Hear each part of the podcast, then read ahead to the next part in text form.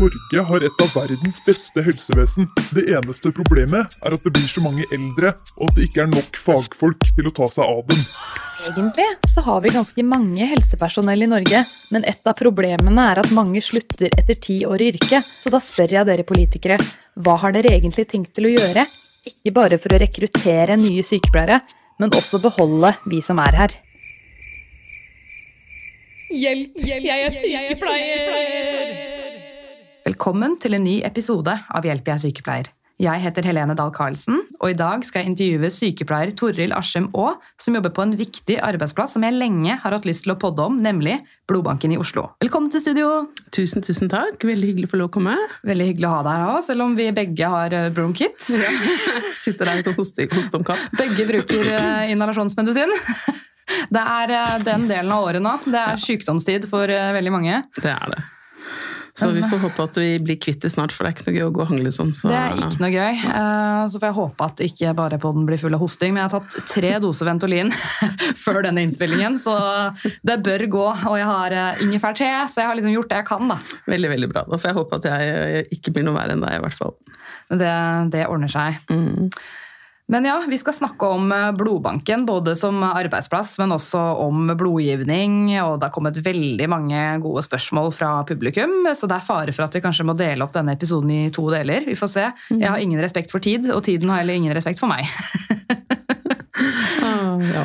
Så det blir som det blir. Men før vi starter å snakke om blodbanken og blodgivning, vil du fortelle lytterne litt om deg selv? Ja, jeg heter Toril Aschem Aa. Jeg er født og oppvokst her i Oslo. Jeg har blitt 43 år, selv om jeg ikke helt skjønner det sjøl. Men man blir jo eldre. Ellers så har jeg jobba som sykepleier siden 2003. Da var jeg ferdig utdanna fra det som den gang het Høgskolen i Oslo. Jeg gikk deltidsstudie der. Så det er det. Mm. Mm. Og du har også jobbet på urologen, er det ikke sant? Det har jeg også gjort. Det var mitt første arbeidssted. Begynte der i 2003, i august, og var der i seks år og trivdes veldig veldig godt. En veldig fin avdeling. Så... Det er fortsatt en veldig fin avdeling, kan jeg skrive under på. um, hvor har du jobbet som sykepleier tidligere, da, bortsett fra urologen og blodbanken?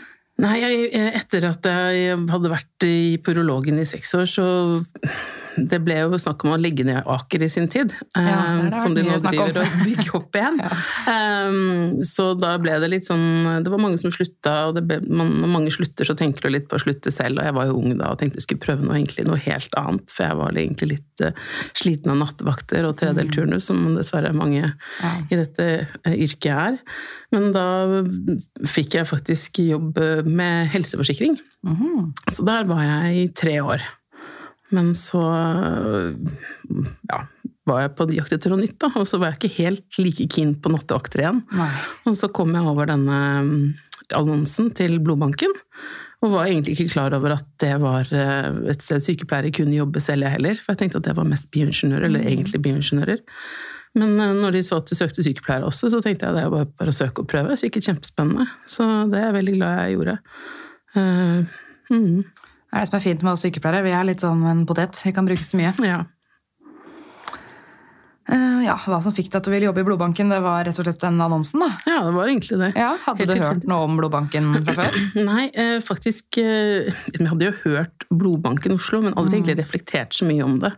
Kjente ingen som ga blod engang. Uh, bortsett fra meg selv. Jeg meldte meg selv som blodgiver tidlig uh, når jeg gikk på studiet, men det var noe, skjedde et eller annet med testene når de testa blodet mitt første gangen jeg meldte meg. de første gangene, Sånn at uh, det var for vanskelig å analysere blodet mitt. var vel den begrunnelsen Veldig avansert blod. ja, uh, Skjønte jo ikke helt dette selv.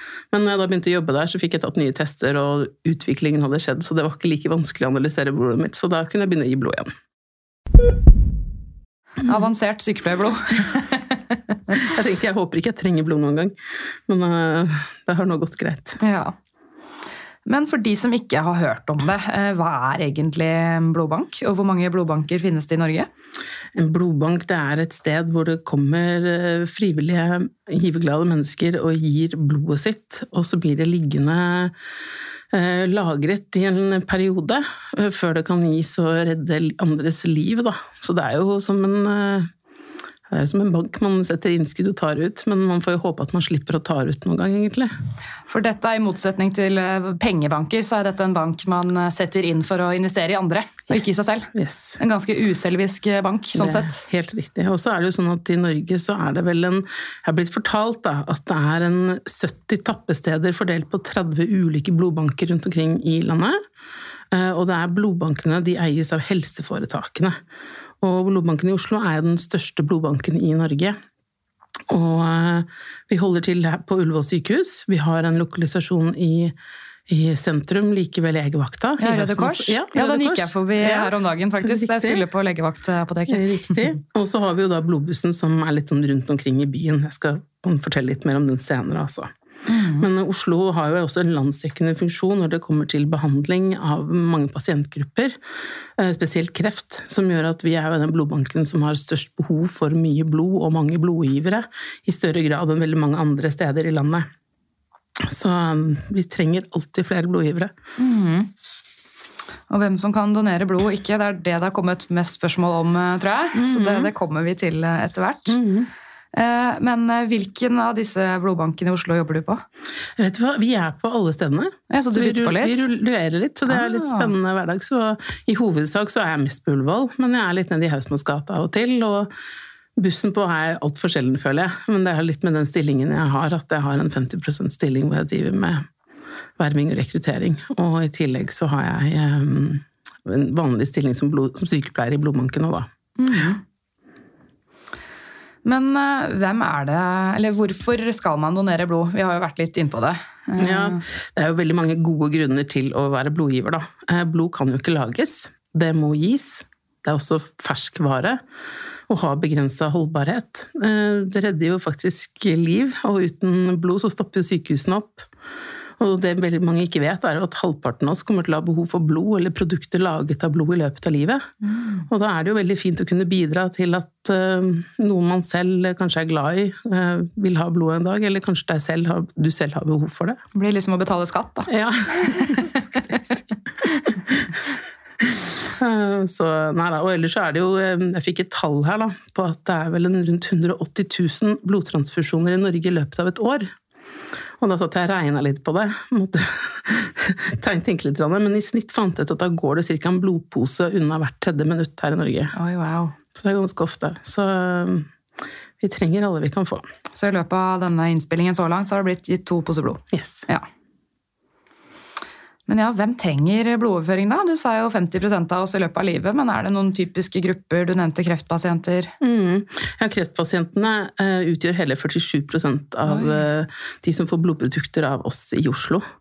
Eh, og, det har med at, og det gjelder litt spesielt i Oslo, siden vi har landsdekkende funksjon for kreftbehandling. Det kommer jo folk fra hele landet for å få behandling her på Radiumhospitalet og Riksen og sånn. Mm. men generelt sett i landet også tror jeg det ligger så høyt som 35% så det er en ganske stor gruppe som trenger blod. Og det er fordi at eh, både kreften i seg selv og behandlingen de får, gjør at de produserer eh, dårligere og trenger da tilskudd av både blodplater og røde blodceller. Ellers så er det jo da fødende og nyfødte barn som kan ha behov for blod, og pasienter som kanskje har kroniske anemitilstander eller blodsykdommer av andre slag. Eh, og så er det jo så klart disse ulykke, ulykkene og planlagte operasjonene som man har, da, som jeg, jeg egentlig har tenkt er det som Før jeg begynte å i blodbanken, så trodde jeg at det var det blod gikk til.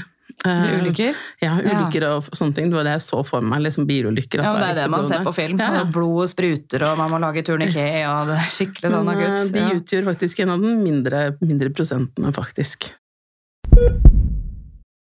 Ja, da er vi tilbake. Jeg var redd for at vi hadde fått en eh, teknisk feil, men vi hadde visst ikke det. Det skjedde under forrige innspilling hvor jeg mistet en hel halvtime, så jeg er litt føre var nå. Men uh, hvor var vi? Vi snakket om hvem som trenger blod. Ja. Det var mange kreftpasienter, men du trodde da du startet at det kanskje var mange av de som kom i trafikkulykker og sånt? Ja, de for det er det man ser på film? Ja, ikke sant? Og de flår jo mye blod, de også, når de først er utsatt for et eller annet. Sånn at uh, en trafikkulykke kan i verste fall kreve at 50 stykker har vært innom og gitt blod. Oi. Så det kan være mye blodtapp ved sånne store ulykker også. Men eh, det som kan kreve enda mer, er jo la oss si en levertransplantasjon kan i verste fall kreve opptil hun- 100 enheter med blod. Oi, wow. Og da ser vi det veldig godt på lagerbeholdningen vår. Ja. At det har gått ut mye blod en dag, og da blir det mye røde tall på skjemaet vårt. da. Og må kanskje ringe og sende SMS til folk på BD komme og gi litt blod.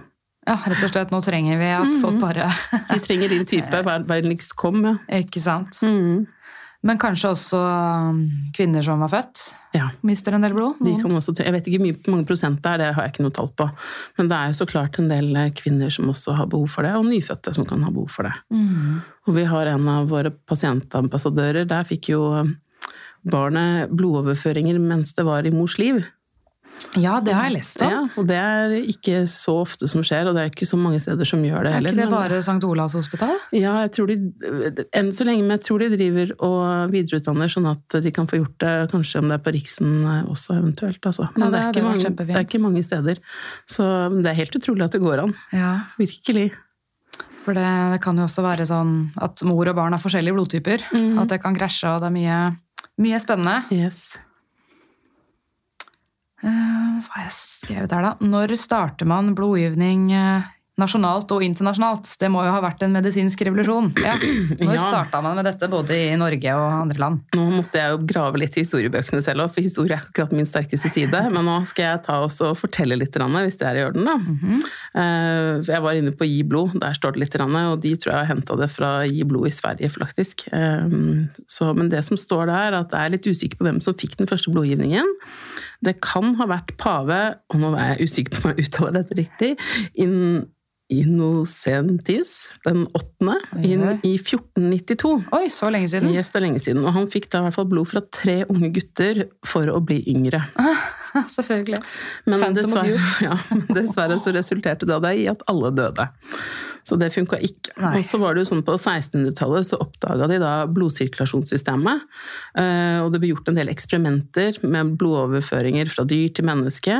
Og da døde jo også mange, så klart, for det vet vi jo at det ikke går. Eh, Og det resulterte i at det ble forbudt med blodtransfusjoner. I, og i 140 år så skjedde ingenting, for man hadde ikke lov til å prøve på dette. Det var for farlig, rett og slett. Det var for farlig. Ja. Men i 1818 så eh, var det en doktor James Blundell i England som utførte den første vellykkede blodoverføringen som gikk fra menneske til menneske. Og fram til 1900-tallet så ble det utført en rekke blodoverføringer. Litt varierende resultater. Eh, Det er kanskje ikke så rart, for de kjente jo ikke til blodtypen ennå. Eh, Men i 1901 så var det en østerriker som heter Carl Landsteiner, som fant blodtypene og laget dette ABO-systemet som vi kjenner i dag. Og det er klart det også revolusjonerte jo praksisen, som eh, gjorde at eh, blodoverføringer ble mer utbredt og mer sikkert og gjort på en mer rutinemessig måte. Um, og så er det sånn at med alle kriger så skjer det jo mye utviklinger, og det skjedde jo også etter første verdenskrig. Så klarte man å finne en måte å hindre at blodet koagulerte på. Så tidligere så ble jo transfusjoner gjort nesten direkte fra person til person, eller måtte skje veldig fort i hvert fall. Men eh, nå fant man ut dette. Og eh, verdens eh, første blodgiversentral ble også oppretta i 1921 av den britiske Røde Kors. Og Internasjonal Røde Kors har jo også vært veldig flink og stått på sentralt, vært en stor pådriver i arbeidet av blodbanker, da, blodbankarbeid. Og dette gjelder også for Norge. Og den første organiserte blodbankvirksomheten, eller unnskyld, blodgivervirksomheten, kom uh, i regi av Norges Røde Kors i 1933. Mens den første blodbanken i Norge den ble opprettet først i 1948 på Ullevål sykehus. Så rett etter krigen. Yes. Ja. Igjen revolusjon som skjer der, liksom. ja, Det er bra det kommer noe godt ut av krig, da, for det er ikke veldig mye godt. Nei, kan man det, det er helt sikkert, Ja. altså. Ehm, og det, vi fikk det her i 1948 etter at Resus-systemet også ble oppdaget i 1940, og det gjorde jo blodgivningen enda sikrere. Og så heldigvis ikke noe mer krig, men eh, på 1970-tallet så var det en professor i Uppsala som eh, fant ut en måte at man kunne dele blodet i ulike deler. Og bruke de ulike produktene til ulike ting. Eh, og man gikk over fra glass, glassflasker som man hadde blod i, til å få det i disse posene som man ser i dag. Da. Plastposene, vakuumpakka. Ja, som, ja.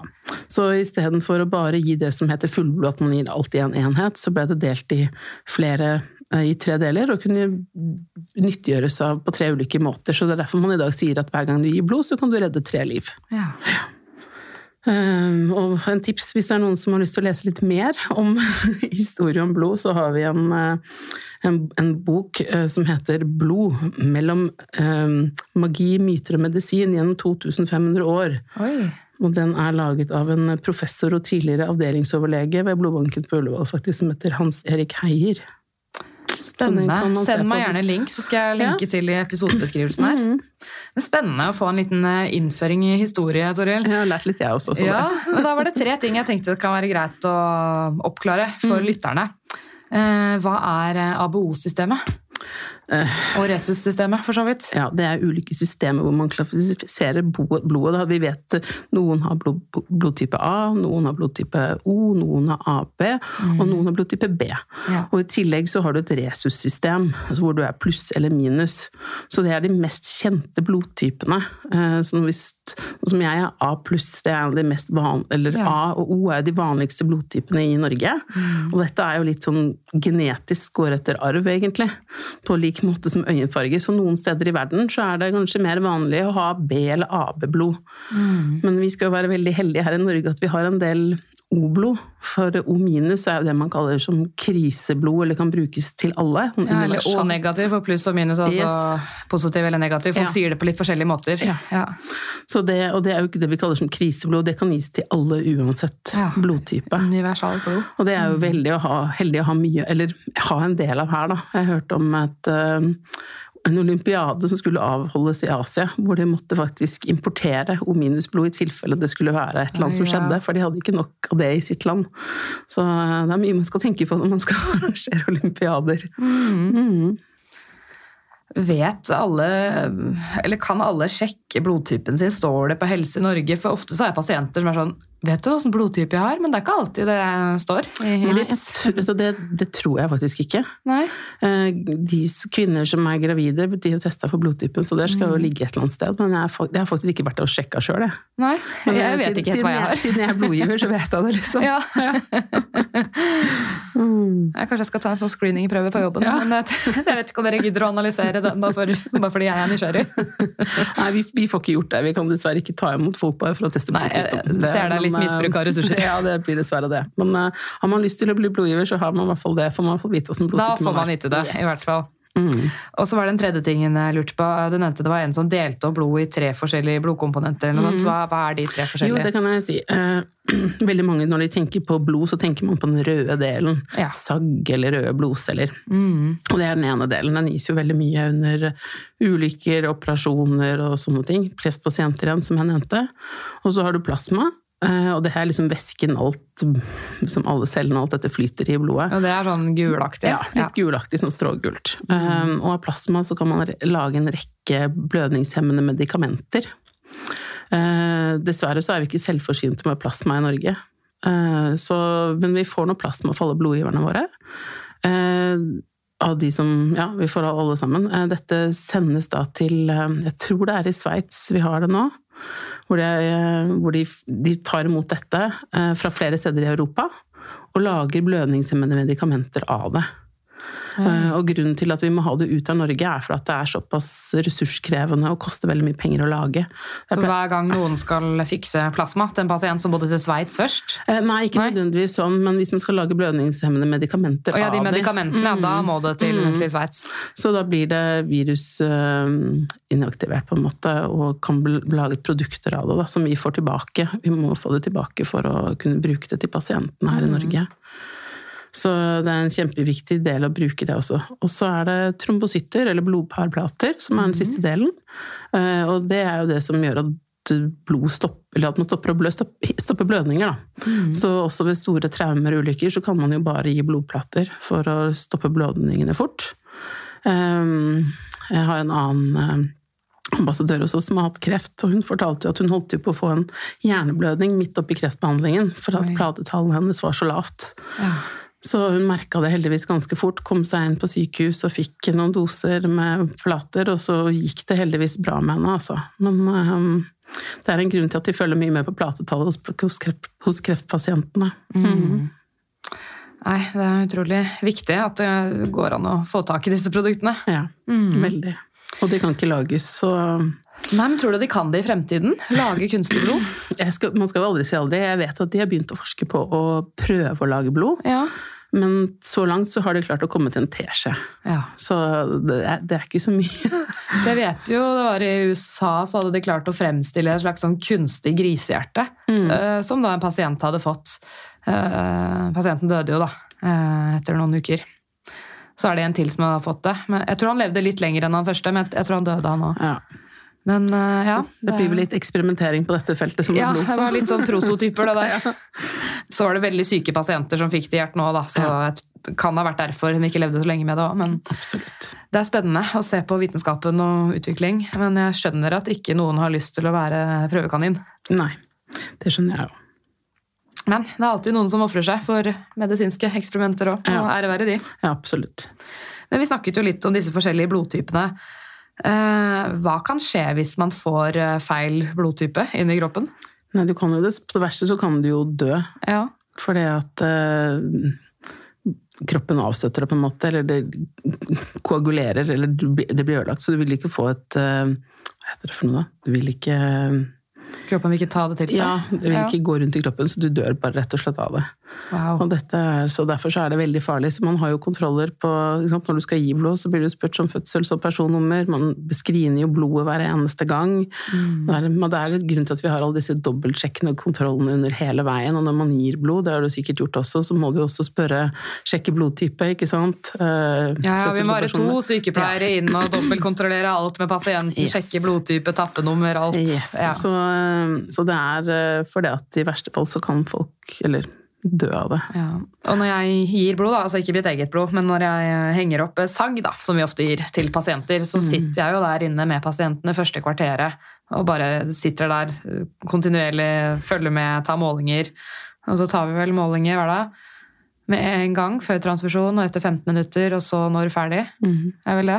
Nå er det lenge siden jeg har gjort blod, merker jeg. det, det er lenge siden jeg har gjort så jeg ikke spørre meg. følger vi med på sånn skjema, liksom, må krysse om pasienten har fått noen sånn bivirkninger som kløe, frysninger, feber, kvalme, alt sånn. Ja. Det er veldig nøye. Mm.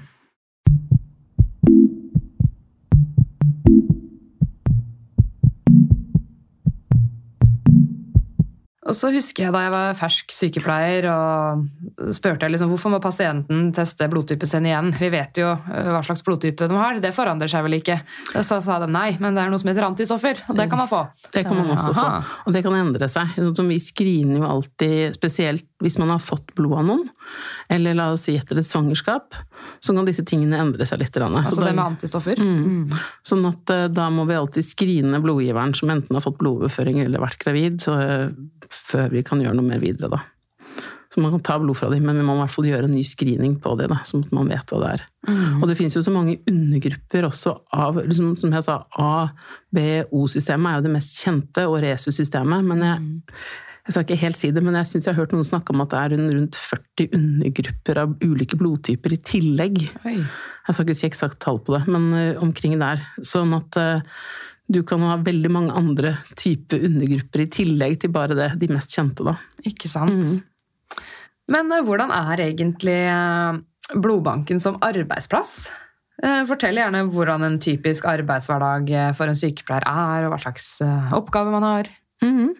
Nei, eh, det er veldig fint å blodbanken. Hver dag så får vi som sagt besøk av fantastiske mennesker som kommer innom oss for å gi blod. Og så er jeg så heldig å jobbe med veldig mange fine folk. Og i hovedsak så er det jo en miks av bioingeniører og sykepleiere på, i blodbanken. Eh, Vi har også noen leger og noen helsesekretærer. Eh, Og så innimellom så er det både bioingeniørstudenter og noen medisinstudenter som hjelper oss litt med, med å ta seg av blodgiverne da, ved siden av studiene sine. Eh, Vi starter alltid dagen med en rapport. Går vi gjennom lagerbeholdningen? Er det noe det er lite av? Hva kan vi forvente oss? Hvor mange er kalt inn en dag? Og sånne ting. Eh, Og så er det det å ta seg av blodgiverne. Når de kommer til oss, så eh, tar de seg litt eh, mat og drikke hvis de trenger det. Fyller ut dette skjemaet som du kanskje har hørt om, så de må fylle ut hver eneste gang de kommer. Dette må jo vi gå igjennom, bare for å avklare om de kan få lov til å gi blod eller ikke. Og hvis det er sånn at de går videre til neste nivå, mm.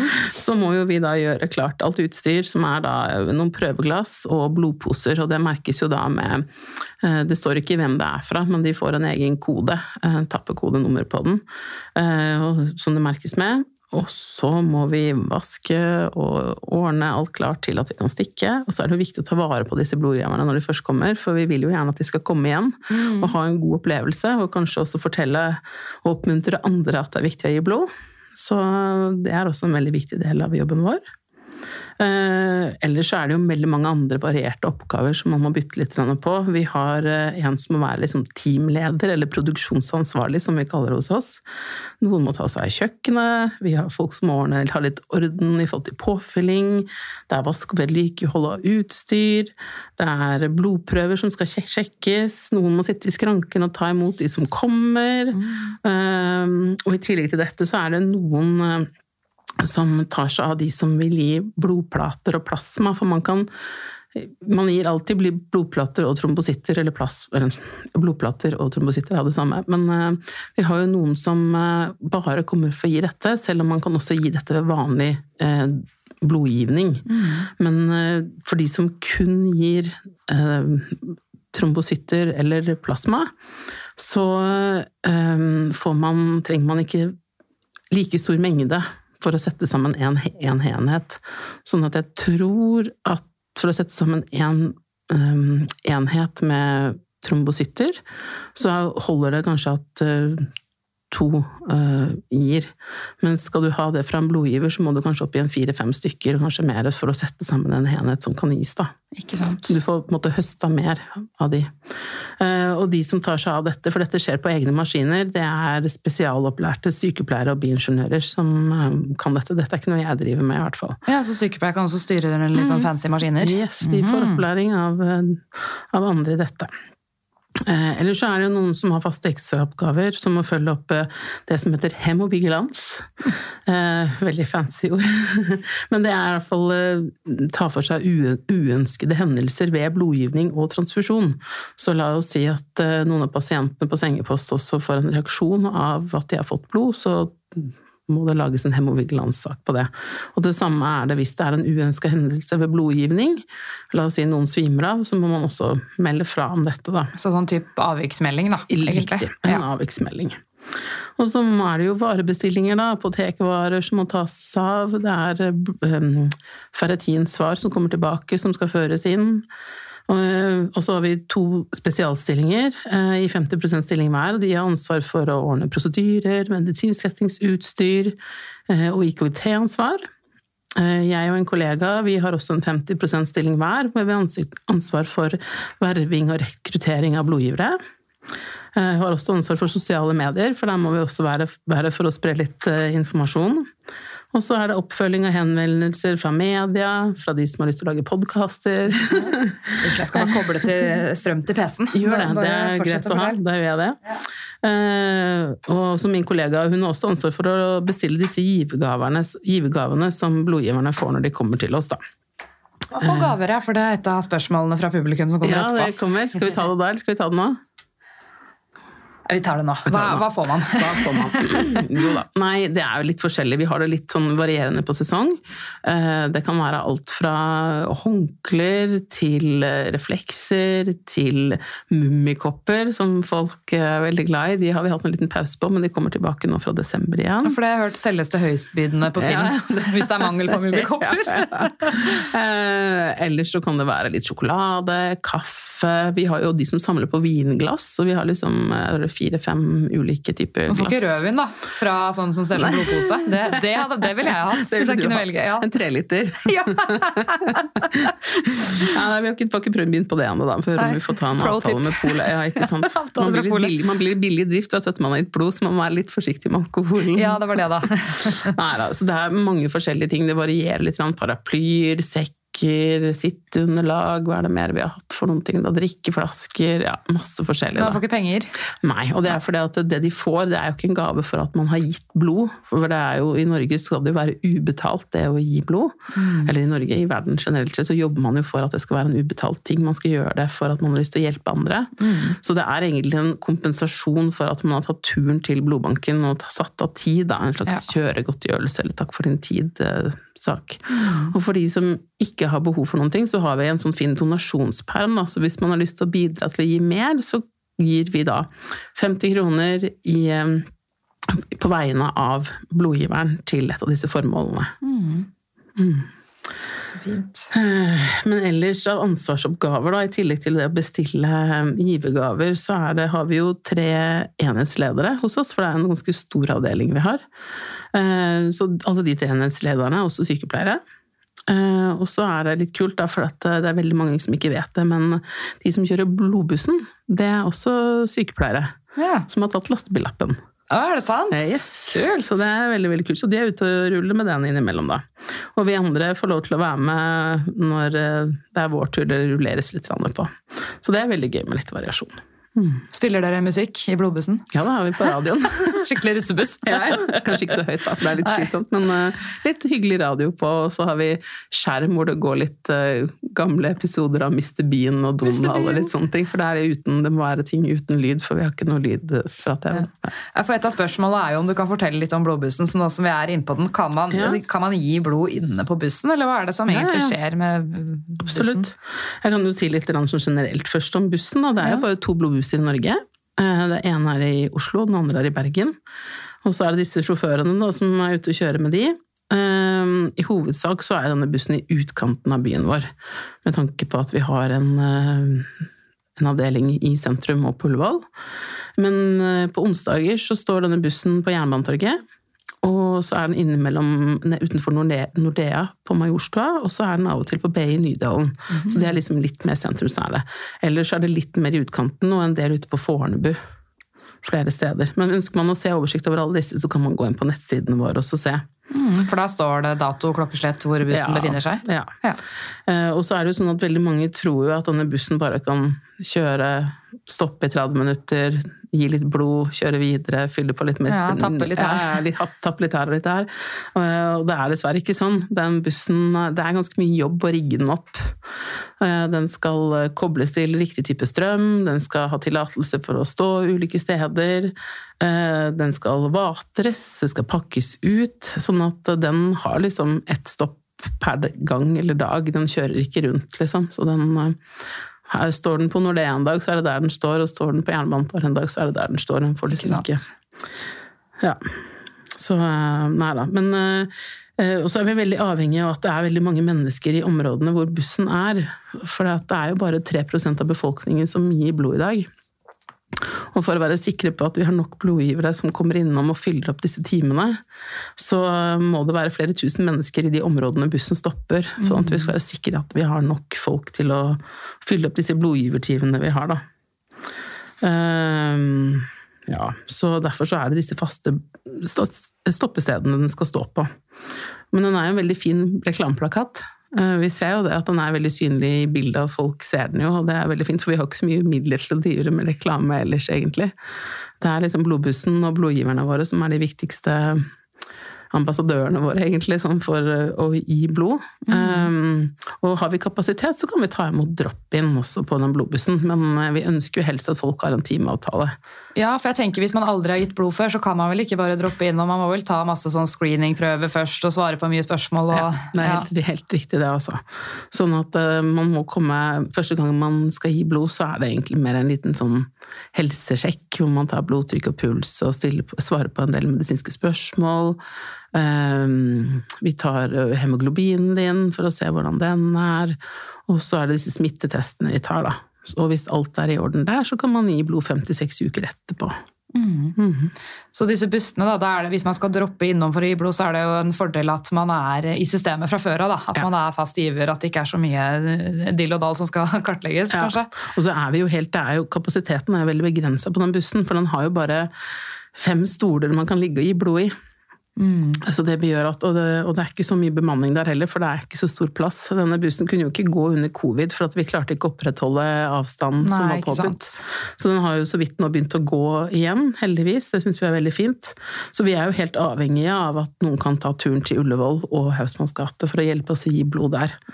Um, og jeg pleier å si kan man komme én gang i året, så er det bedre enn aldri. Ikke sant. Men du nevnte smittetester. Eh, Hva, er det, hva slags smitte er det man ikke kan ha? Nei, vi, man skal jo vært helt frisk i 14 dager før man gir blod. Ja. Eh, og det er fordi at mye i dette går jo som sagt til kreftpasienter som har et helt annet immunforsvar enn det du og jeg har. Ja. Så bare litt sånn kremting som vi har nå, så er ikke vi friske nok til å gi blod. Ja, så jeg og min bronkitt må vente litt. Du må vente Ja. til du har vært helt frisk i 14 dager. Ja. eh, ellers så tester vi jo alltid for hiv og hepatitt. Mm. Eh, er, det, er du ny, eller det har gått mer enn seks måneder siden sist gang du ga blod, så tester vi også for syfilis, eller lues som vi kaller det. Mm. For det har blitt en oppblomstring av det også i samfunnet. Ja. Og så har man vært ute og reist, så kan det hende at vi må ta malaria, eller ja, at man Mm. får karantene for andre ting, da.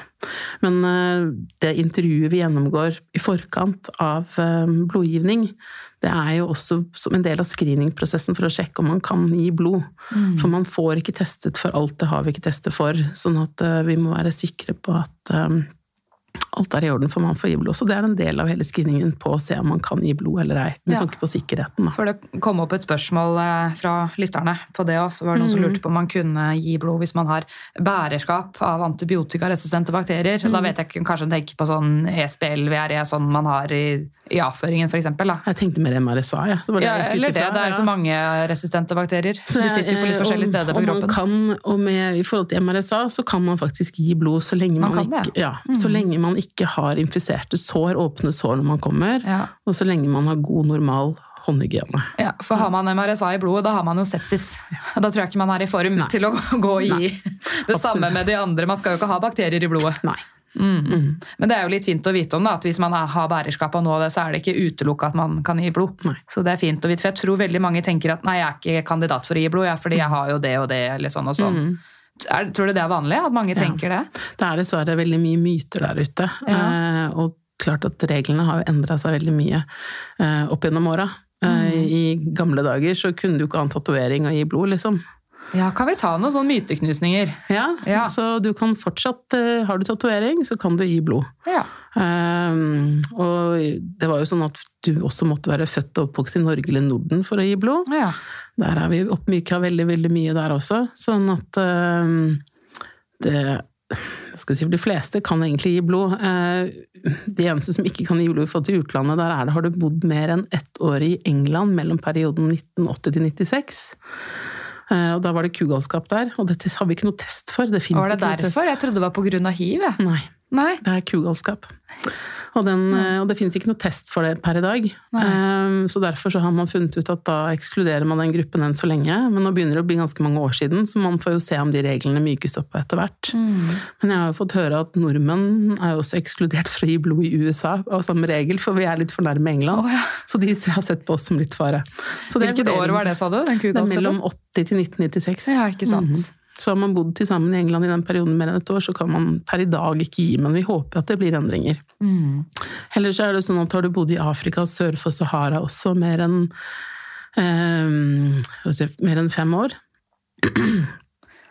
så kan man heller ikke gi. Eller har en partner derfra. Ja. Mhm.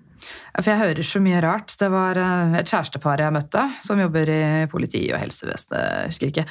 Og- hun som var fra Asia, hun gir blod fast, men han får ikke lov fordi kjæresten var fra Asia. Det Så det gir jo ikke mening når hun gir blod. det er veldig rart, for det tror jeg må være feil i så fall. Det må ha vært en eller annen misforståelse der, Ja, jeg tror nok det, altså. Ja. For hvis hun kan gi, Vi har noe som heter sammenkobling også av par. Det er noen steder i verden hvor man må ha vært sammen i fem år før at de kan få lov til å gi. Mm. Eh, Men smutthullet der er at man kan sammenkoble de, sånn at man får testa begge parter. Ikke sant? Mm.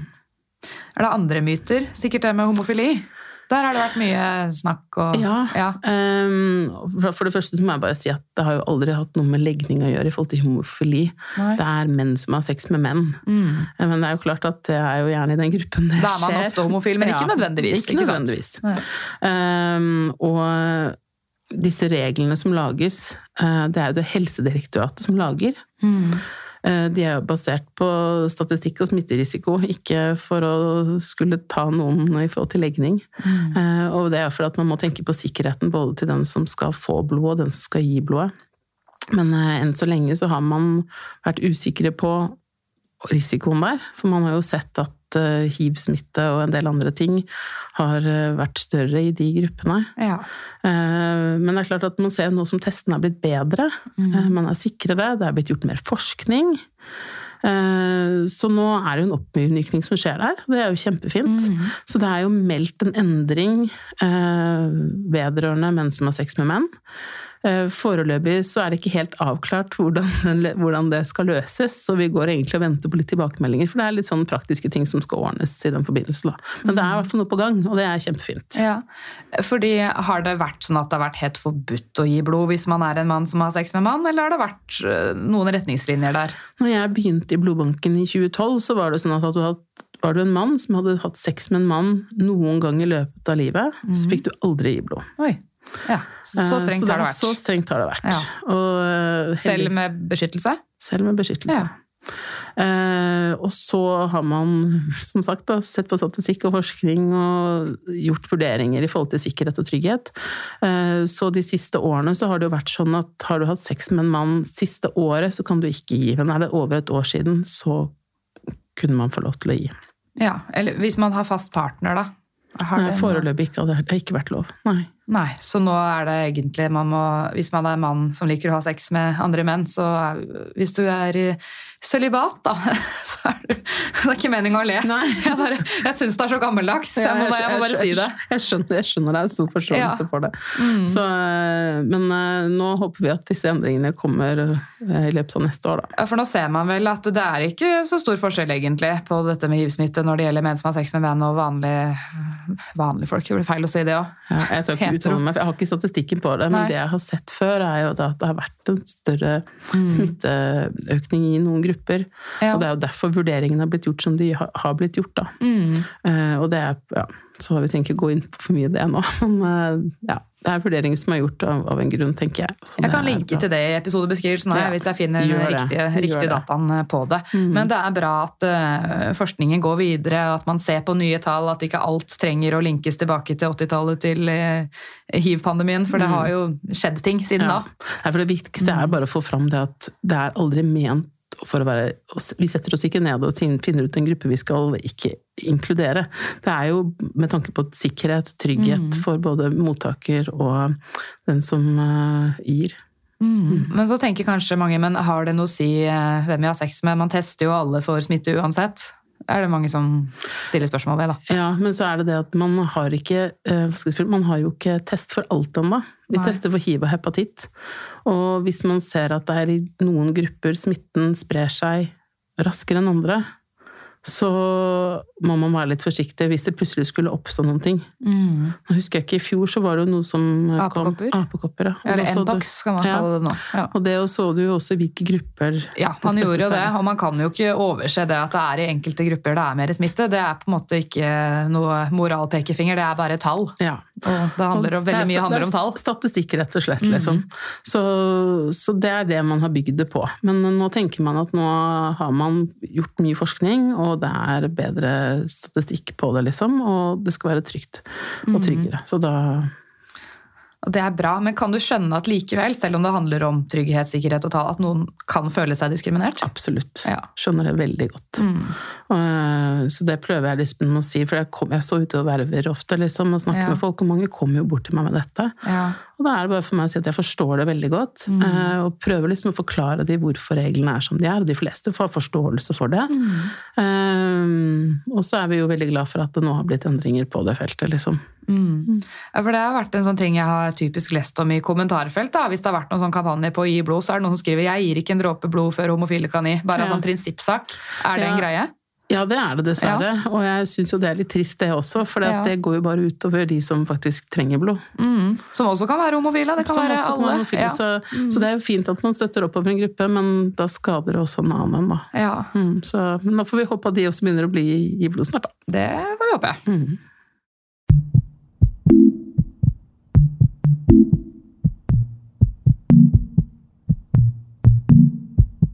Ja, nå er vi jo inne på det, da. så har vi kommet til rett spørsmål nå.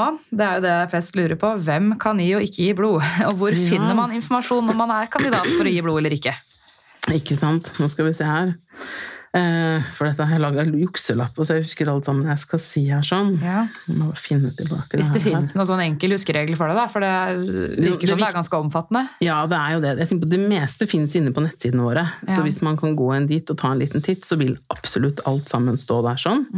Um, men så lenge man er frisk, er generelt frisk, eh, over 18 år, veier mer enn 50 kilo, og har norsk fødsels- og personnummer, behersker norsk skriftlig og muntlig, så kan man i prinsippet gi blod. Eh, til info så jobber vi nå faktisk med å få utarbeide litt materiale og utdanne ansatte også for å ta imot pasienter som Unnskyld, pasienter, sier jeg. Blodgivere. Ja, ja. som behersker engelsk eh, også godt, da. Um, og grunnen til det er for at um, vi ser at det er flere som Vi trenger flere blodgivere, og det er mange som etterspør dette. ja, for det har vært en greie at man må snakke flytende Ja, norsk. ja. ikke sant. Og det er fordi at eh, vi bruker jo um, i dette spørreskjemaet og denne, den samtalen med å få opplysninger i tillegg til disse blodprøvene som tas. Og hvis vi ikke klarer å fange opp viktig informasjon, så kan jo det ha litt kjipe konsekvenser for eh, både mottaker og giver eventuelt. Sånn at eh, Derfor har det vært veldig viktig med akkurat det med kommunikasjonsbiten. For der var det vel en tolk som skrev en eller annen ytring, tror jeg. At jeg stoler ikke på min kompetanse som tolk. Nei, jeg skjønner Ja. veldig godt det altså. Ja. Men det er eh, igjen, vi er, jeg pleier å fleipe litt og si at vi i blodbanken vi blir betalt for å være paranoide. Så vi tenker, de tenker alltid det var worst case Worst case scenario, ja. Eh, og det er litt sånn det er av hensyn til de som skal få blod også, da, og de, men også av hensyn til de som skal gi. Men uh, Heller føre var enn etter snar, på en måte. Det prinsippet der. Absolutt. Ja. Men spørsmålet er også hvem som ikke kan gi. ikke Ja. sant? Ja. Eh, Det er klart at noen medisiner kan ekskludere. Eh, Noen kroniske sykdommer, som f.eks. revmatiske lidelser, diabetes, epilepsi, hjertesykdommer. Har man en piercing i slimhinner, så må den også ha vært ute i en måned før man kan gi blod. Eh, Man kan og- ikke gi hvis man har hatt epilepsi, eh, selv om det var i barndommen eller mange år siden. Da må nok legene våre gjøre en vurdering på det ut ifra anfall og hyppighet og grad og mye sånne ting. Men eh, hvis man har den når man skal gi, så kan man i hvert fall ikke gi. Kan man Nei. ikke bli blodgiver. Ikke sant? Eh, og så er det sånn at har man noen gang injisert narkotiske stoffer i blodårer, så er man ekskludert permanent. Ja. Uh, mens bruk av narkotika, der har man blitt mer liberal da, opp gjennom årene. Uh, før så var det jo nulltoleranse der også. Nå er det så mange som bruker at da mister veldig mange Det Dessverre er er fælt å si det, men det er mange som tar seg en blås. Ja, det er, eh, mange, det er mange som tester ut, og det må du jo få lov til. Men Ja. man kan ikke drive aktivt med Nei, sånt det når man skal gi blod. Får man blod, blir man høy på det ene og det andre. ja, så hvis vi er borti noen som kommer og melder seg og sier at de driver med hasj, må vi liksom spørre er dette noe du har tenkt å fortsette med, eller eh, er du ferdig med det? Ja. Og hvis de ønsker å fortsette med det, så må de jo få lov til det, men da kan de ikke være blodgivere. Og er de ferdig med det, så må vi vente et år. eh, Ja, så er det et år karantenetid, et på en måte. ja. Ja. Så gjør vi litt vurderinger i forhold til eh, ja, Vi må gjøre litt i forhold til risikovurderinger da, i forhold til bruk av andre ting, og liksom Mm. se på det også. Ja. Eh, allergier, alvorlig allergi i forhold til anafyleksi, det må vi vurdere. Og så var det det i forhold til hvilke land man har bodd i, som jeg nevnte tidligere også, da. Eh, ja. Men, eh, og det med tatoveringer, som jeg nevnte. at mange, Det er mye myter om det at de ikke kan gi. Så men vi får håpe at folk går inn på nettsidene våre og tar en titt og får oppklaring på hvem som kan og ikke kan gi. Men er det noe begrensninger på tatoveringer nå? At hvis den er så og så ny eller tatt i et annet land, eller Det er helt riktig. Ja. Eh, Det er seks måneders karantene uavhengig hvor den er tatt. Så eh, det er mange som har tatt tatoveringer som er veldig flinke. Da kommer og timer de inn sånn mellom tatuering, tat, nye tatoveringer, så er de innom oss og gir blod. For så sier de nå må du sperre meg seks måneder, for nå skal jeg ha en tatovering til. Så det er jo fint at de er bevisst på det, da. Og ja. Kanskje man bare skal ta en stor sliv med en gang, da. og Bli Ja. ferdig med det. Noen er så søte også, så de har liksom passer på at det ikke skal være så mye tatovering akkurat der vi skal stikke, For eksempel. Så det er jo veldig hyggelig. Men vi klarer jo, på mange så har man jo veldig tydelige blodrør som man klarer å stikke gjennom også. Men eh, det er veldig hyggelig da at de tenker på det. Det er det. Ja. Det er jo noen som tatoverer på seg sånne blodgiver, organdiner, or organdonor. Har jeg sett noen helsepersonell har tatovert på seg. Vi har en, eh, har en på Instagrammen vår som har vært søt. Han har, søt. Han har tatovert en blodpose med blodtypen sin inni. inni. Men, men. Og så er den rett i underkant av der vi skal stikke, så du ser ut som det liksom renner litt fra den posen til posen. Så det var veldig kjempehyggelig. Da har man passion, da, for, å, for å gi blod. Virkelig. veldig fint. Mhm. Ja, Da lurer jeg bare på, hvordan foregår det hvis man ønsker å gi blod? Eh, gi gjerne lytterne en liten introduksjon om hva man må tenke på tiden før, under og etter blodgivning, og hvis man ønsker å donere blod flere ganger. Man kan Ja. da kanskje bli litt sliten i kroppen etter tapping, Mhm. eh, kan jeg tenke meg, da. De vet jo, de fleste merker veldig lite. Oi. Så det er veldig fint, så lenge man holder seg til forhåndsreglene som skal tas. da. Ja. Eh, Og bor man i Oslo, så kan man bare gå inn på blodbanken-oslo.no for å bare melde seg. Mm. Og for resten av landet så går du inn på giblod.no. Giblod.no. Det er for Ja. resten av landet. Men i Oslo så er det fint at du går inn på våre sider. Da går det litt raskere, så kan du få deg en time selv på en gang omtrent. Mm. Men første gang du kommer til blodbanken, så er det som jeg har sagt før, òg, ikke noe blodgivning. Da går vi gjennom disse spørsmålene. Man tar blodtrykk, puls, måler hemoglobin, tar smittetester, og så gir man fem til seks uker etterpå, da. Eh, og så må man ha vært også, som jeg sa, frisk i to uker, ha overskudd. Er man sliten midt i eksamensperioder, det skjer ting privat, man er, ja, så skal man utsette med å gi. Det er som på flyet, da.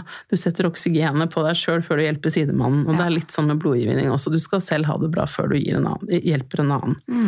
Eh, og så skal man ha spist drukket litt før man kommer, og vi anbefaler heller ikke å trene den dagen man skal gi blod, så ikke løp etter bussen etter at du har gitt blod. Det er noen som glemmer seg og vil fort hjem, og da er det ikke alltid like hyggelig hvis de blir dårlige på veien veien kan man hjem. trene før man skal gi? Så har man flotte pumpa Ja, blodårer. jeg vet, noen, jeg vet at noen gjør det, og vi kan ikke nekte folk å gjøre det. Men uh, mange kan jo svette en del også når de trener, Ja, og miste litt væs- væske. Sånn at eh, vi sier at den dagen du gir blod, så er det fin grunn sånn til å ha der, treningsfri. Ja. Yes. Så, og det er viktig å tenke på disse forhåndsreglene hver gang òg, da. Mm. Så hvis jeg her sånn. Ellers så har jeg jo snakka litt om det om eh, hvem som kan gi her, seg allerede. Ja. Men eh, jeg har bare sett bilder av det. Ser ut som han får en ganske sånn tjukk nål. Ja, det er en Han bare blir teipa rett på. Det er mange som eh, er overraska over hvor stor den nåla er. Men ja. så jeg, hvis jeg skal beskrive den, så er det vel liksom som bly på en blyant. Bly på en blyant. Ja. Hvis du ser for deg liksom tjukk, tykkelse cirka. Tjukkvenneflon, da. En tjukk veneflon, det er Ja. det. Men selv så syns jeg nesten det stikket er mer behagelig enn når du skal drive og ta blodprøver og vingle litt rundt med den nåla og skifte glass og sånne ting. For Ja. her er det ett stikk, en skarp nål, den ligger der helt stille, og fleste merker ingenting. Og er det noe underveis, så skal man gi beskjed til oss, og så gjør vi det beste vi kan for at det Kanskje et problem hvis noen har sprøyteskrekk. da. ja, Kan man få noe sånn Embla-krem eller noe sånt på hvis man har det? Ulempen da er at årene ofte forsvinner litt. Ah, ja, ja. Så vi anbefaler ikke det. Nei, Når jeg begynte der, så husker vi hadde Embla-plaster som vi la på, Ja. men det har vi gått helt bort ifra. ikke sant. Ja, så det. Men ellers så kan vi anbefale Vi har en selvtest på nettsidene våre som kan være greit å ta før man kommer på time. De fanger opp eh, de aller viktigste spørsmålene som kan gi karantene. Og da slipper du å komme på en bomtur til oss. Ja. Så den kan være lur å ta, altså. Veldig, veldig fin. Hvor lenge sitter man når eh, man blir tappa? Eh, Vi, vi pleier å si holde av en times tid når du kommer til blodbanken, men det å gi blod, det er det som tar kortest tid. Ja.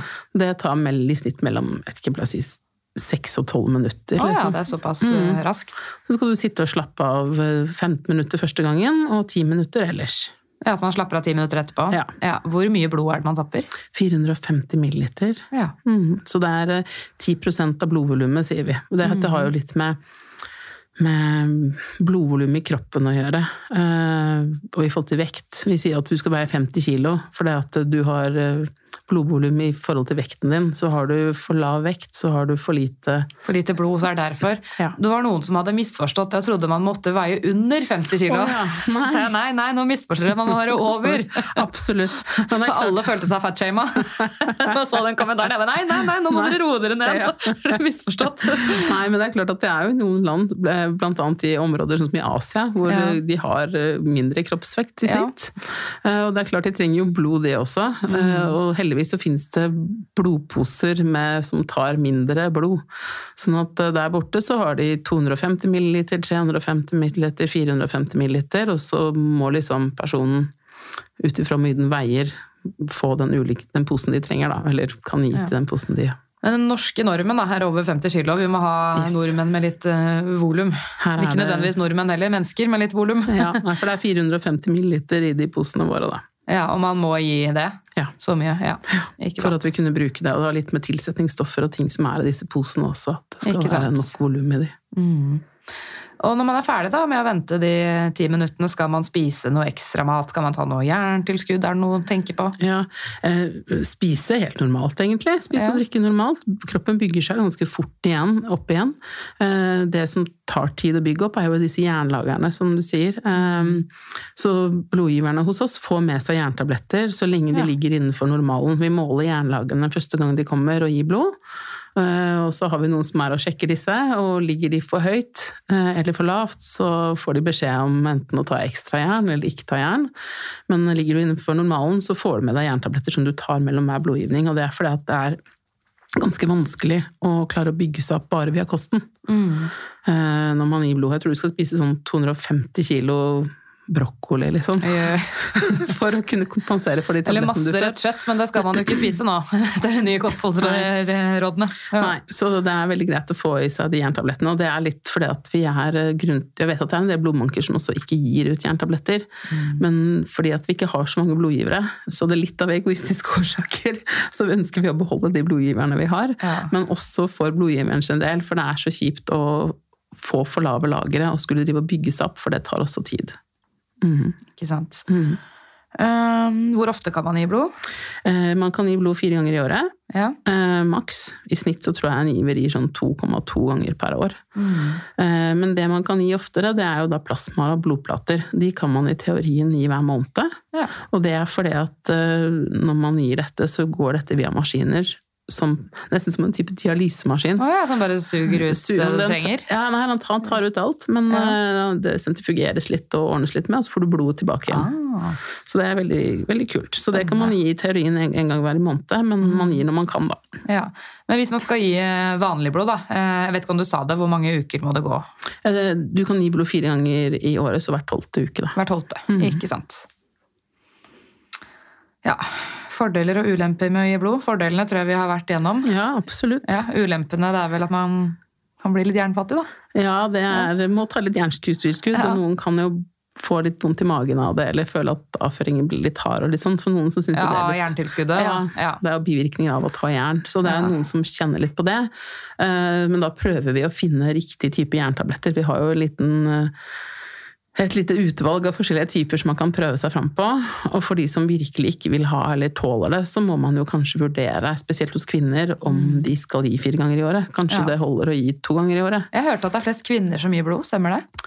Eh, Ja, det var en litt Åssen blir det her, da? Kvinnene tar jo over mye av det mennene holder på med ofte, liksom. Så, Ja. Men eh, sånn at i starten så var det nok en flere menn, så har kvinnene tatt over der også. Um, men det, å, det har begynt å jevne seg litt ut der òg, da. Eh, men vi ser at det er fortsatt flere kvinner, og kvinnene begynner tidligere. Så hvis du hadde hatt en uh, liten tabell, så ser du liksom damene begynner i sånn 18-årsalder, så da ser du de ligger litt høyt oppe på grafen. Mm. Og når de nærmer seg sånn rundt fødealder, sånn slutten av Trenger de 20-åra, sitt selv? da, ja, da går Ja. det litt ned, men da kommer guttene opp. Ja. Sånn at, uh, Alt i sin tid. Ja, så om det er fordi at da begynner de kanskje å roe seg litt, funnet en fast partner og litt sånne ting, det kan ha noe med det å gjøre, vet ikke. Ja, hva skal jeg finne på nå, da? Ja. Blod, da. Det er fint at de tar et vikariat for kona eller Ja. Og så jevner det seg litt mer ut på slutten, liksom, da. Men fortsatt litt flere kvinner enn menn. Og det er jo egentlig litt dumt, da, for menn egner seg jo faktisk mye bedre Ja, de har vel høyere HV, høyere hjernenivåer. Ja. Alt. Ja, Ikke sant? Og ikke noen antistoffer når de blir gravide, for eksempel. Så vi- gutta, vi trenger dere. Kom og gi blod. Yes. Fin oppfordring der. Mm. Ja. Da var det bare siste spørsmålet før vi går over til Q&A-delen. Eh, Er det noen pros and cons med å jobbe i blodbanken som sykepleier? Altså fordeler og ulemper? Fordeler og ulemper. Jeg, jeg eh, ser jo bare fordeler, jeg da, men det er fordi jeg syns det er deilig å ha den stillingen jeg har, Mm. i forhold til eh, å slippe å jobbe turnus. Men det er klart Og så får jeg jobbe med mye hyggelige folk. Mm. Men det er klart det at uh, ulempen igjen er jo det at jeg tjener jo kanskje litt mindre også. Ja, for jeg får jo ikke de tilleggene. tilleggene som Nei. mange andre får. Sånn at um, det er liksom litt, litt bakdelen ved det, egentlig. Mm. Um, men eh, nei, jeg eh, trives veldig godt. Og noen syns kanskje at det er litt eh, rutinepreg. Da. At det er mye av det samme som går igjen. Du skal gjøre det liksom, vi møter jo en ny blodgiver ganske ofte i løpet av en dag, og det er vel samme tingene som skal gjøres. Men Mm. jeg tenker at siden du møter en ny person hele tiden, så blir det aldri 100% likt. For det er liksom Du må ha nye personer å forholde deg til. Det er nye caser, kanskje problemstillinger. Ja. Og det blir litt hva du gjør det til selv. Ja. Så, um, og jeg er jo heldig som har den 50% stillingen jeg har, så jeg får enda litt mer variasjon i den jobben jeg har. Mm. Så um, mm. Hva er åpningstidene til blodbanken? Eh, vi har åpent fra kvart på åtte, er de første timene på morgenen. Eh, og så har vi så lenge, oppe så lenge som til klokka seks eh, for blodgiverne. Men vi slutter på jobb da klokka sju, for vi må Da får dere litt kveldstillegg, da. Ja, det er to timer eller noe sånt. Wow. Så det, og det er ikke så mange ganger i løpet av måneden vi har kveldsvakter heller, sånn at det begrenser seg liksom hvor mye det utgjør. Så, men det spørs litt hva du verdsetter. Da. Om du verdsetter, sånn som jeg, For meg så er det viktigere å ha tid med familien min. Ja. Selv om jeg så klart skulle hatt mer penger. Altså. Ja.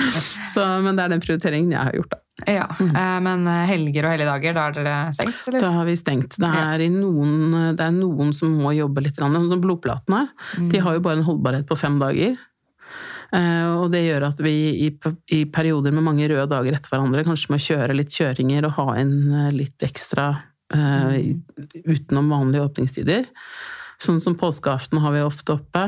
Eh, julaften har vi oppe alltid til tolv.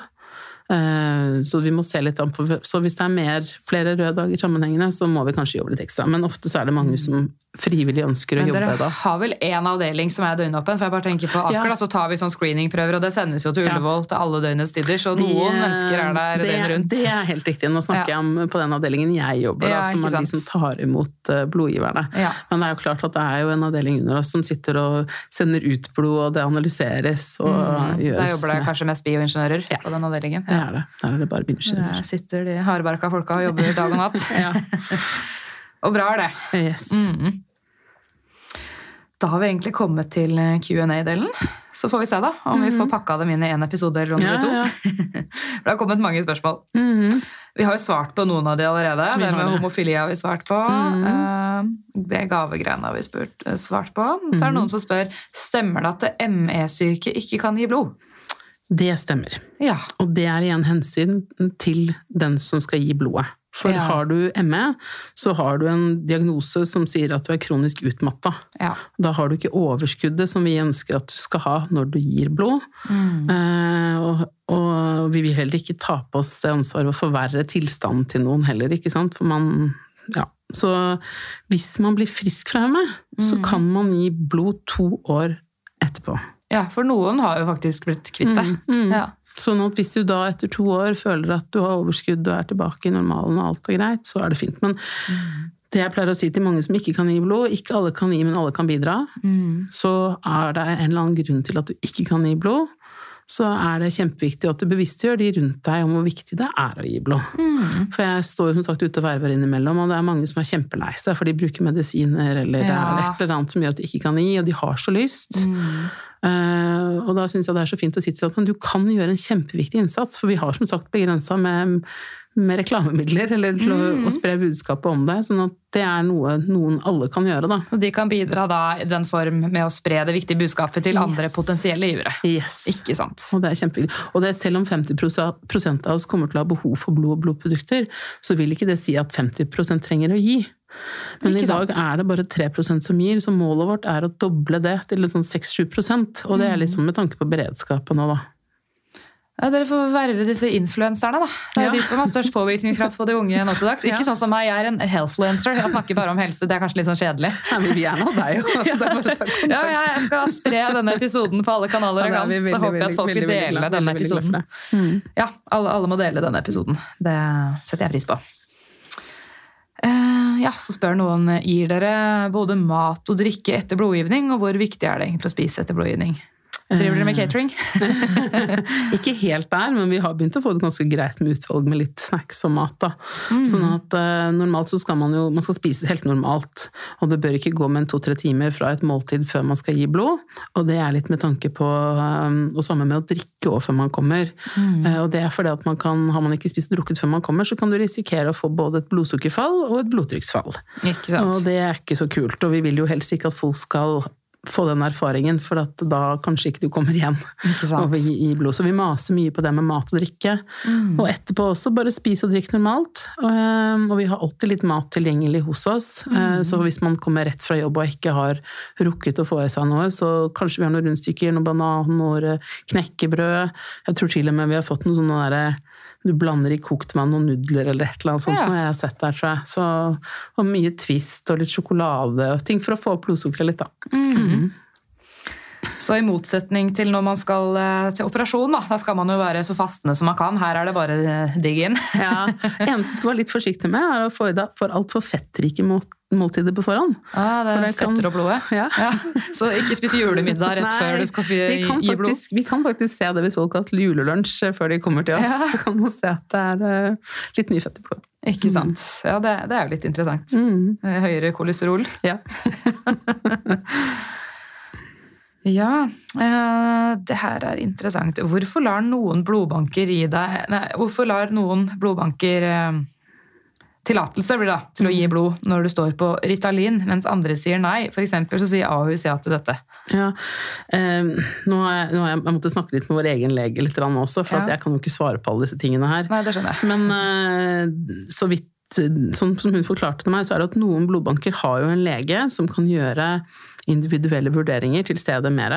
Mm. mens andre blodbanker har ikke like tilgjengelige leger, og da velger de heller å lage generelle regler for å være sikre at de ikke påvirker eller påfører giver eller mottaker noe risiko, da. Ja.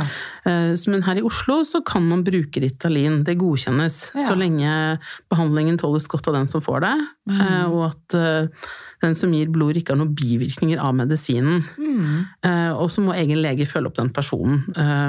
Ja. Så det handler litt om ressurser, kanskje? Ja, det kan ha litt med det også å gjøre. Mm. Og står man på Ritalin og endrer dose, så er det tre måneders karantene. Ja, når det er doseendring? Mm. Ja.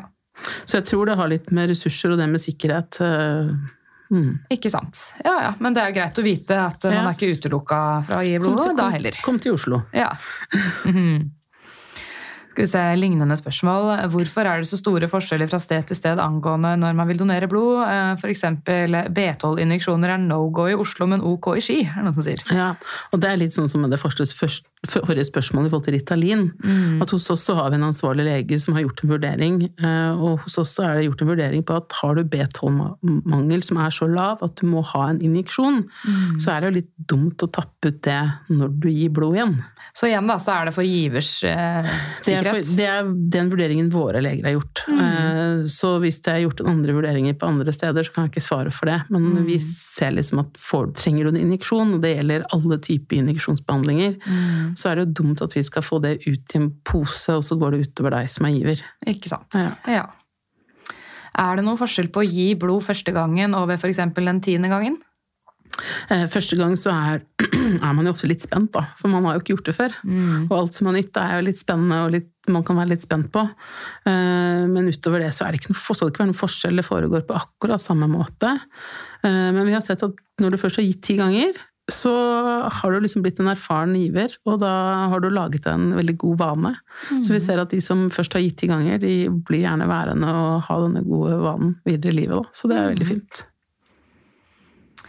Er det mange som kun jobber dagvakter i blodbanken? Eh, Det har vi vel egentlig snakka om. Det er, ja, Man jobber ikke til seinere enn sju, var det sånn? Ikke sant. Ja, er, vi har enkelte som går i vakt innimellom, men det er gjerne de som tar plater og sånt. Men ja. det, det er ikke så ofte. Men eh, jobber man alltid til klokka 19 på kvelden? Eh, ikke hver dag. Nei. Det er mandag, tirsdag, torsdag på Ullevål vi har ettermiddagsåpent. Ja, Og hvis man ikke slutter 19, når slutter man på vakta? Eh, da er vi ferdig tre eller halv fire. Ja, til sånn vanlig, vanlig tid, da. Mm.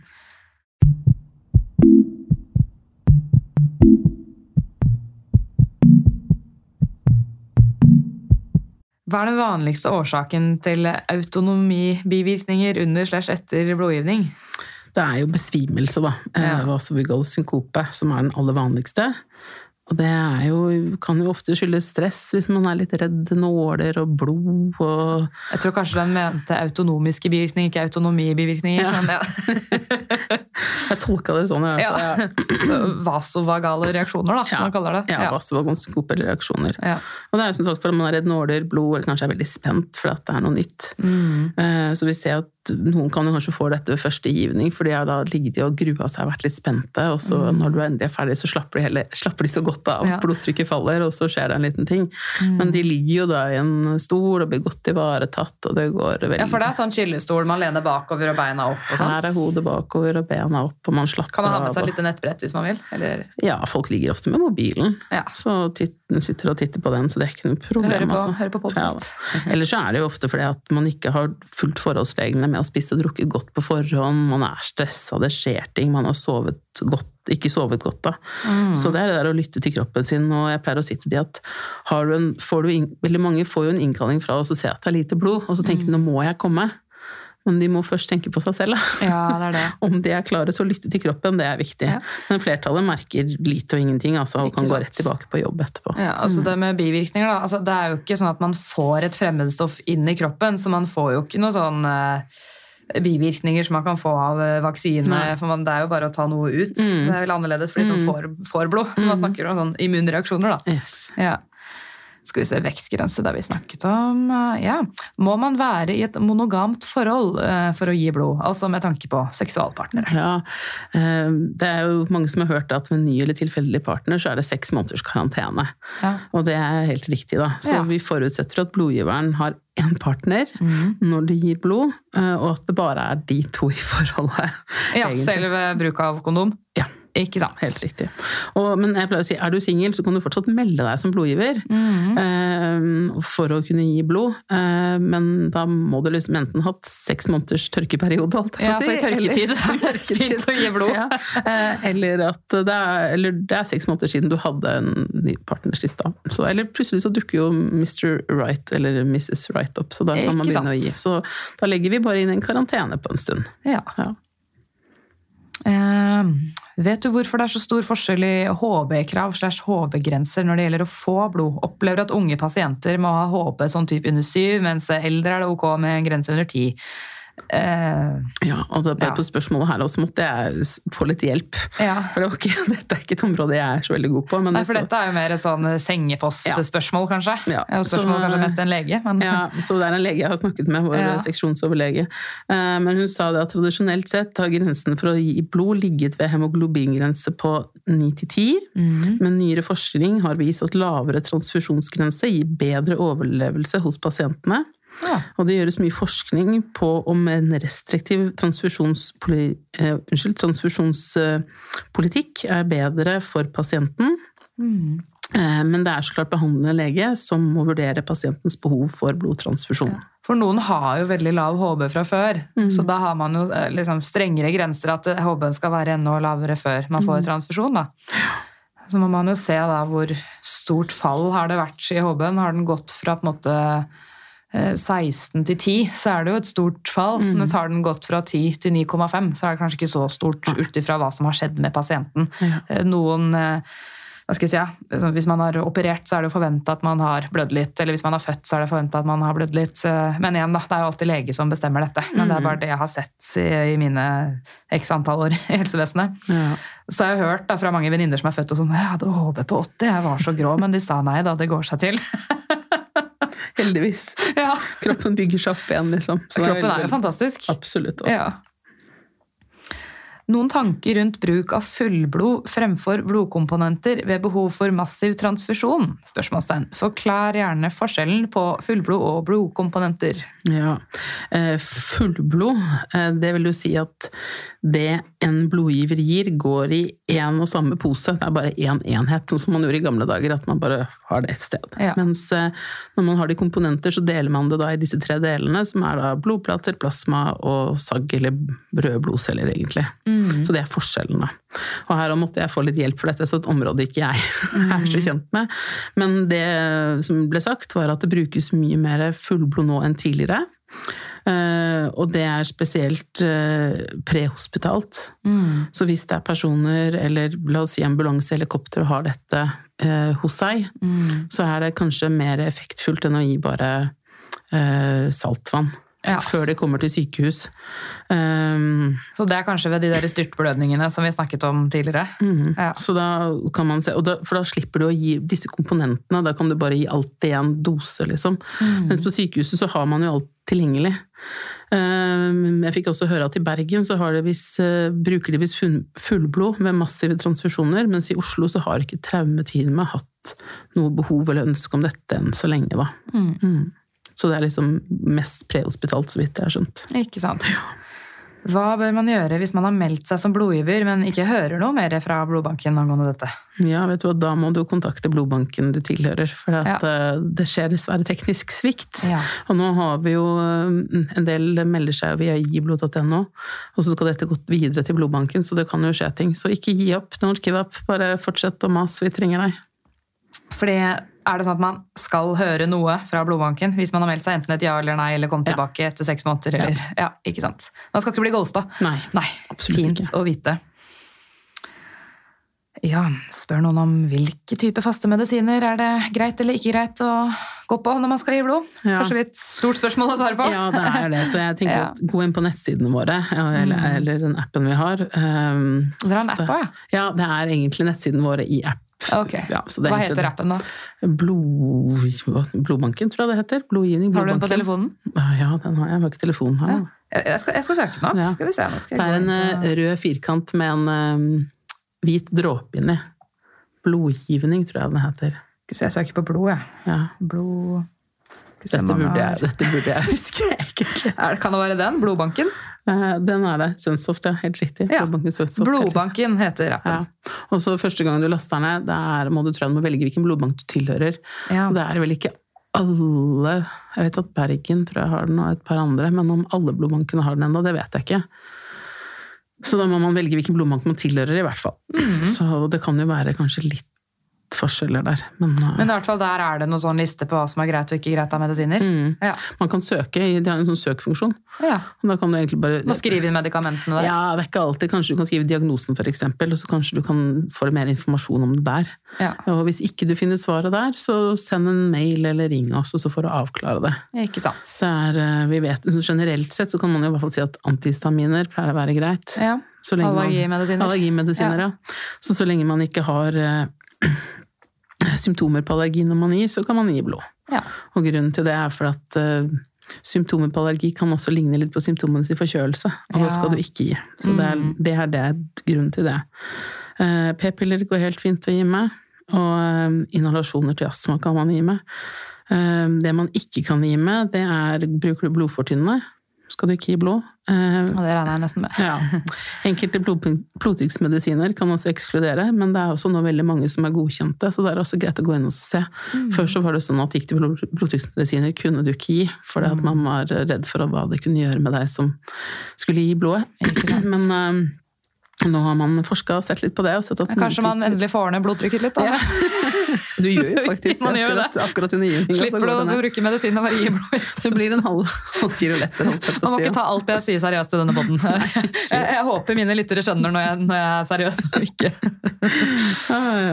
Nei, um, skal vi se. Eh, men eh, ja, våre leger også må av og til gjøre litt vurderinger ut fra medisin til medisin, for du har jo også noen medisiner mennesker tar som kanskje ikke er eh, tas eh, av den grunn eh, Eller de kan ha en annen ehm, Hva skal jeg si for noe, da? Du kan ta blod... Hva blir det? Du Man kan ta- bruke medisinen en annen indikasjon enn det det vanligvis er. Takk skal du ha, Ja. det var det jeg mente. Så det blir egentlig bare en vurdering vi må gjøre om hvorfor du tar den medisinen du tar, eh, og av hvilken grunn. Eh, Og da må legene gjøre vurderinger på det. Ja, For det er vel noen medisiner eh, som man kanskje bruker for hodepine, som også kan brukes mot høyt blodtrykk, Ja, eksempel. Migrenemedisiner er noen blodtrykksmedisiner der, vet du. Mm. Så da må vi bare gjøre litt vurderinger på det, men noen blodtrykksmedisiner ekskluderer helt. Ja. Liksom. Så ja. Er det hematologer, de legene som jobber hos dere, eller er det Nei. Nei. Har, har, har man noe eh, spesialitet? Eller er man bare veldig engasjert og satt seg inn i Det var et veldig godt spørsmål. Om de har noen egne spesialiteter, eller på en måte. De, eh, Blodleger. ja. de er jo i hvert fall veldig brede, i hvert fall for feltet, for å si det sånn. Ja, Og så er setter seg godt og grundig inn i det. Men om de har noen videreutdanning av noe slag, det tør jeg nesten ikke å svare på. Nei. Det var ikke et spørsmål som lytterne stilte, det var bare jeg som lurte. Em, kan man gi Ja, det har vi svart på, egentlig. Det med antibiotikaresistens. At man er ikke nødvendigvis ekskludert fra blodgiverlista der heller. Um, allergier, ja. Hvordan er det med allergier? Er man helt utelukket fra å kunne gi blod da? Nei da. Det var sånn som jeg sa tidligere, at har man hatt en alvorlig anafylaktisk reaksjon, så må man bare gjøre litt individuelle vurderinger i forhold til eh, hva som ga reaksjonen, når er det lenge siden det skjedde, hva ble gjort, og hvordan var symptomene, og hvor dårlig ble man. Og så må legene våre gjøre en vurdering på det igjen, da. Ja.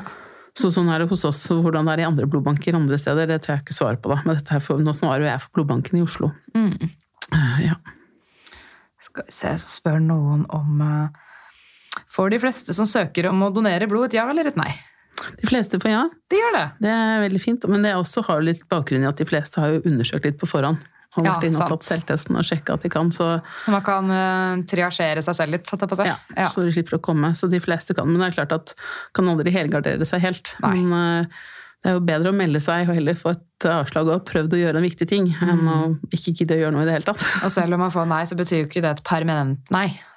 Nei, ikke alltid i hvert fall. Så Ehm, Da er det siste spørsmålet. Hva er det beste med å jobbe på blodbanken? det er å møte så mange hyggelige mennesker hver eneste dag. Liksom, blodgivere tror jeg er sånn egen rase. De har gjort en sånn studie på det at blodgivere er sånne ja-mennesker. Ja. Som stiller opp for andre og stemmer på valgdagen og liksom tonerer eh, ting til gode frivillige norske organisasjoner og sånn. Så ja, det kan jeg tenke meg. Ja, så det er veldig hyggelig. Og så har jeg veldig gode kollegaer. Det er veldig koselig å komme på jobb. Og så er det ikke minst det å få lov til å så um, redde liv, være med på å redde liv. Selv om det ikke er direkte, så er det jo indirekte. Det trengs jo. Ja, det virker som en veldig givende jobb. Er det mange helsepersonell som gir blod? Ja, det syns jeg. Ja, Men, For de er jo litt sånn ja-menneske, omsorgsmenneskekategorien. ja, og veldig mye politi og brann også, Ja. som jobber i de som Det er folk i nødetatene. Ja, men det er jo klart at eh, det er jo ikke like lett for alle i helsevesenet å gå fra jobben sin for å få gitt eh, blod. Nei. Det er eh, lettere for de som kanskje jobber administrativt på sykehus i så fall. Da. Ja, eller jobbe deltid, kanskje. Ja, er men det er jo en del som kommer før og etter arbeidstid, før og etter kveldsvakter og litt sånne ting også. Som fridagene sine til og med. Jeg syns det er veldig storsinna å ofre hjerter av gull. Ja, Ja. virkelig også. Er det noe du vil si til lytterne før vi avslutter? Å, det er masse jeg skulle sagt. Er god på å prate. Eh, Men jeg håper at de som har hørt på nå, i hvert fall eh, tar kontakt og melder seg hvis de tror de kan bli blodgivere. Eh, Og som jeg har også sagt før, eh, kan du gi en gang i året, så er det bedre enn aldri. Og vi er jo inne i en tid nå hvor det er mye uroligheter i verden. Og det er veldig fokus på det med beredskap for tida. Og vi trenger flest mulig blodgivere. For den dagen det smeller, så har ikke vi kapasitet til å håndtere en stor mengde nye uerfarne givere som heller ikke er blodtypa. Da trenger vi de som kanskje har gjort det et par ganger. Ehm, Så liksom ikke vent til det skjer. Og igjen, ehm, vi må gjøre en stor forskjell for pasienter, annet kreftpasienter. Så er det ingen enklere hands on ting du kan gjøre enn egentlig det å, å gi blod. Så gi blod og redd liv. Får man kanskje en mummikopp også. Det gjør du. Nei, men Toril, tusen hjertelig takk for at du kom og gjestet Hjelp jeg er sykepleier og gjorde alle litt klokere på hva det vil si å gi blod. Takk for meg. Veldig hyggelig å få komme. Takk for at du hørte på Hjelp jeg er sykepleier. Hvis du likte episoden, blir jeg veldig glad hvis du vil dele den videre på relevante plattformer. Jeg blir også veldig glad hvis du vil anbefale den videre til venner, kolleger, medstudenter eller andre folk du tror kan få glede av denne podkasten. Hvis du vil få varsling neste gang det slippes en ny episode av Hjelp jeg er sykepleier, så er det bare å trykke på abonner-knappen her hvor du hører på podkast. Hvis du vil komme med ønsker for podden, eller gi meg tips eller tilbakemeldinger, eller bare følge meg og mitt podkasteventyr, så er du hjertelig velkommen til å følge Hjelp jeg er sykepleier på Instagram. Hjelp jeg er sykepleier er også på Facebook, men det er på Instagram det er desidert mest aktivitet. Der har du også mulighet til å stille spørsmål til Q&A til fremtidige gjester av podden. Du kan også sende meg en mail, Og mailadressen til Hjelp jeg er sykepleier står beskrevet i hver episodebeskrivelse.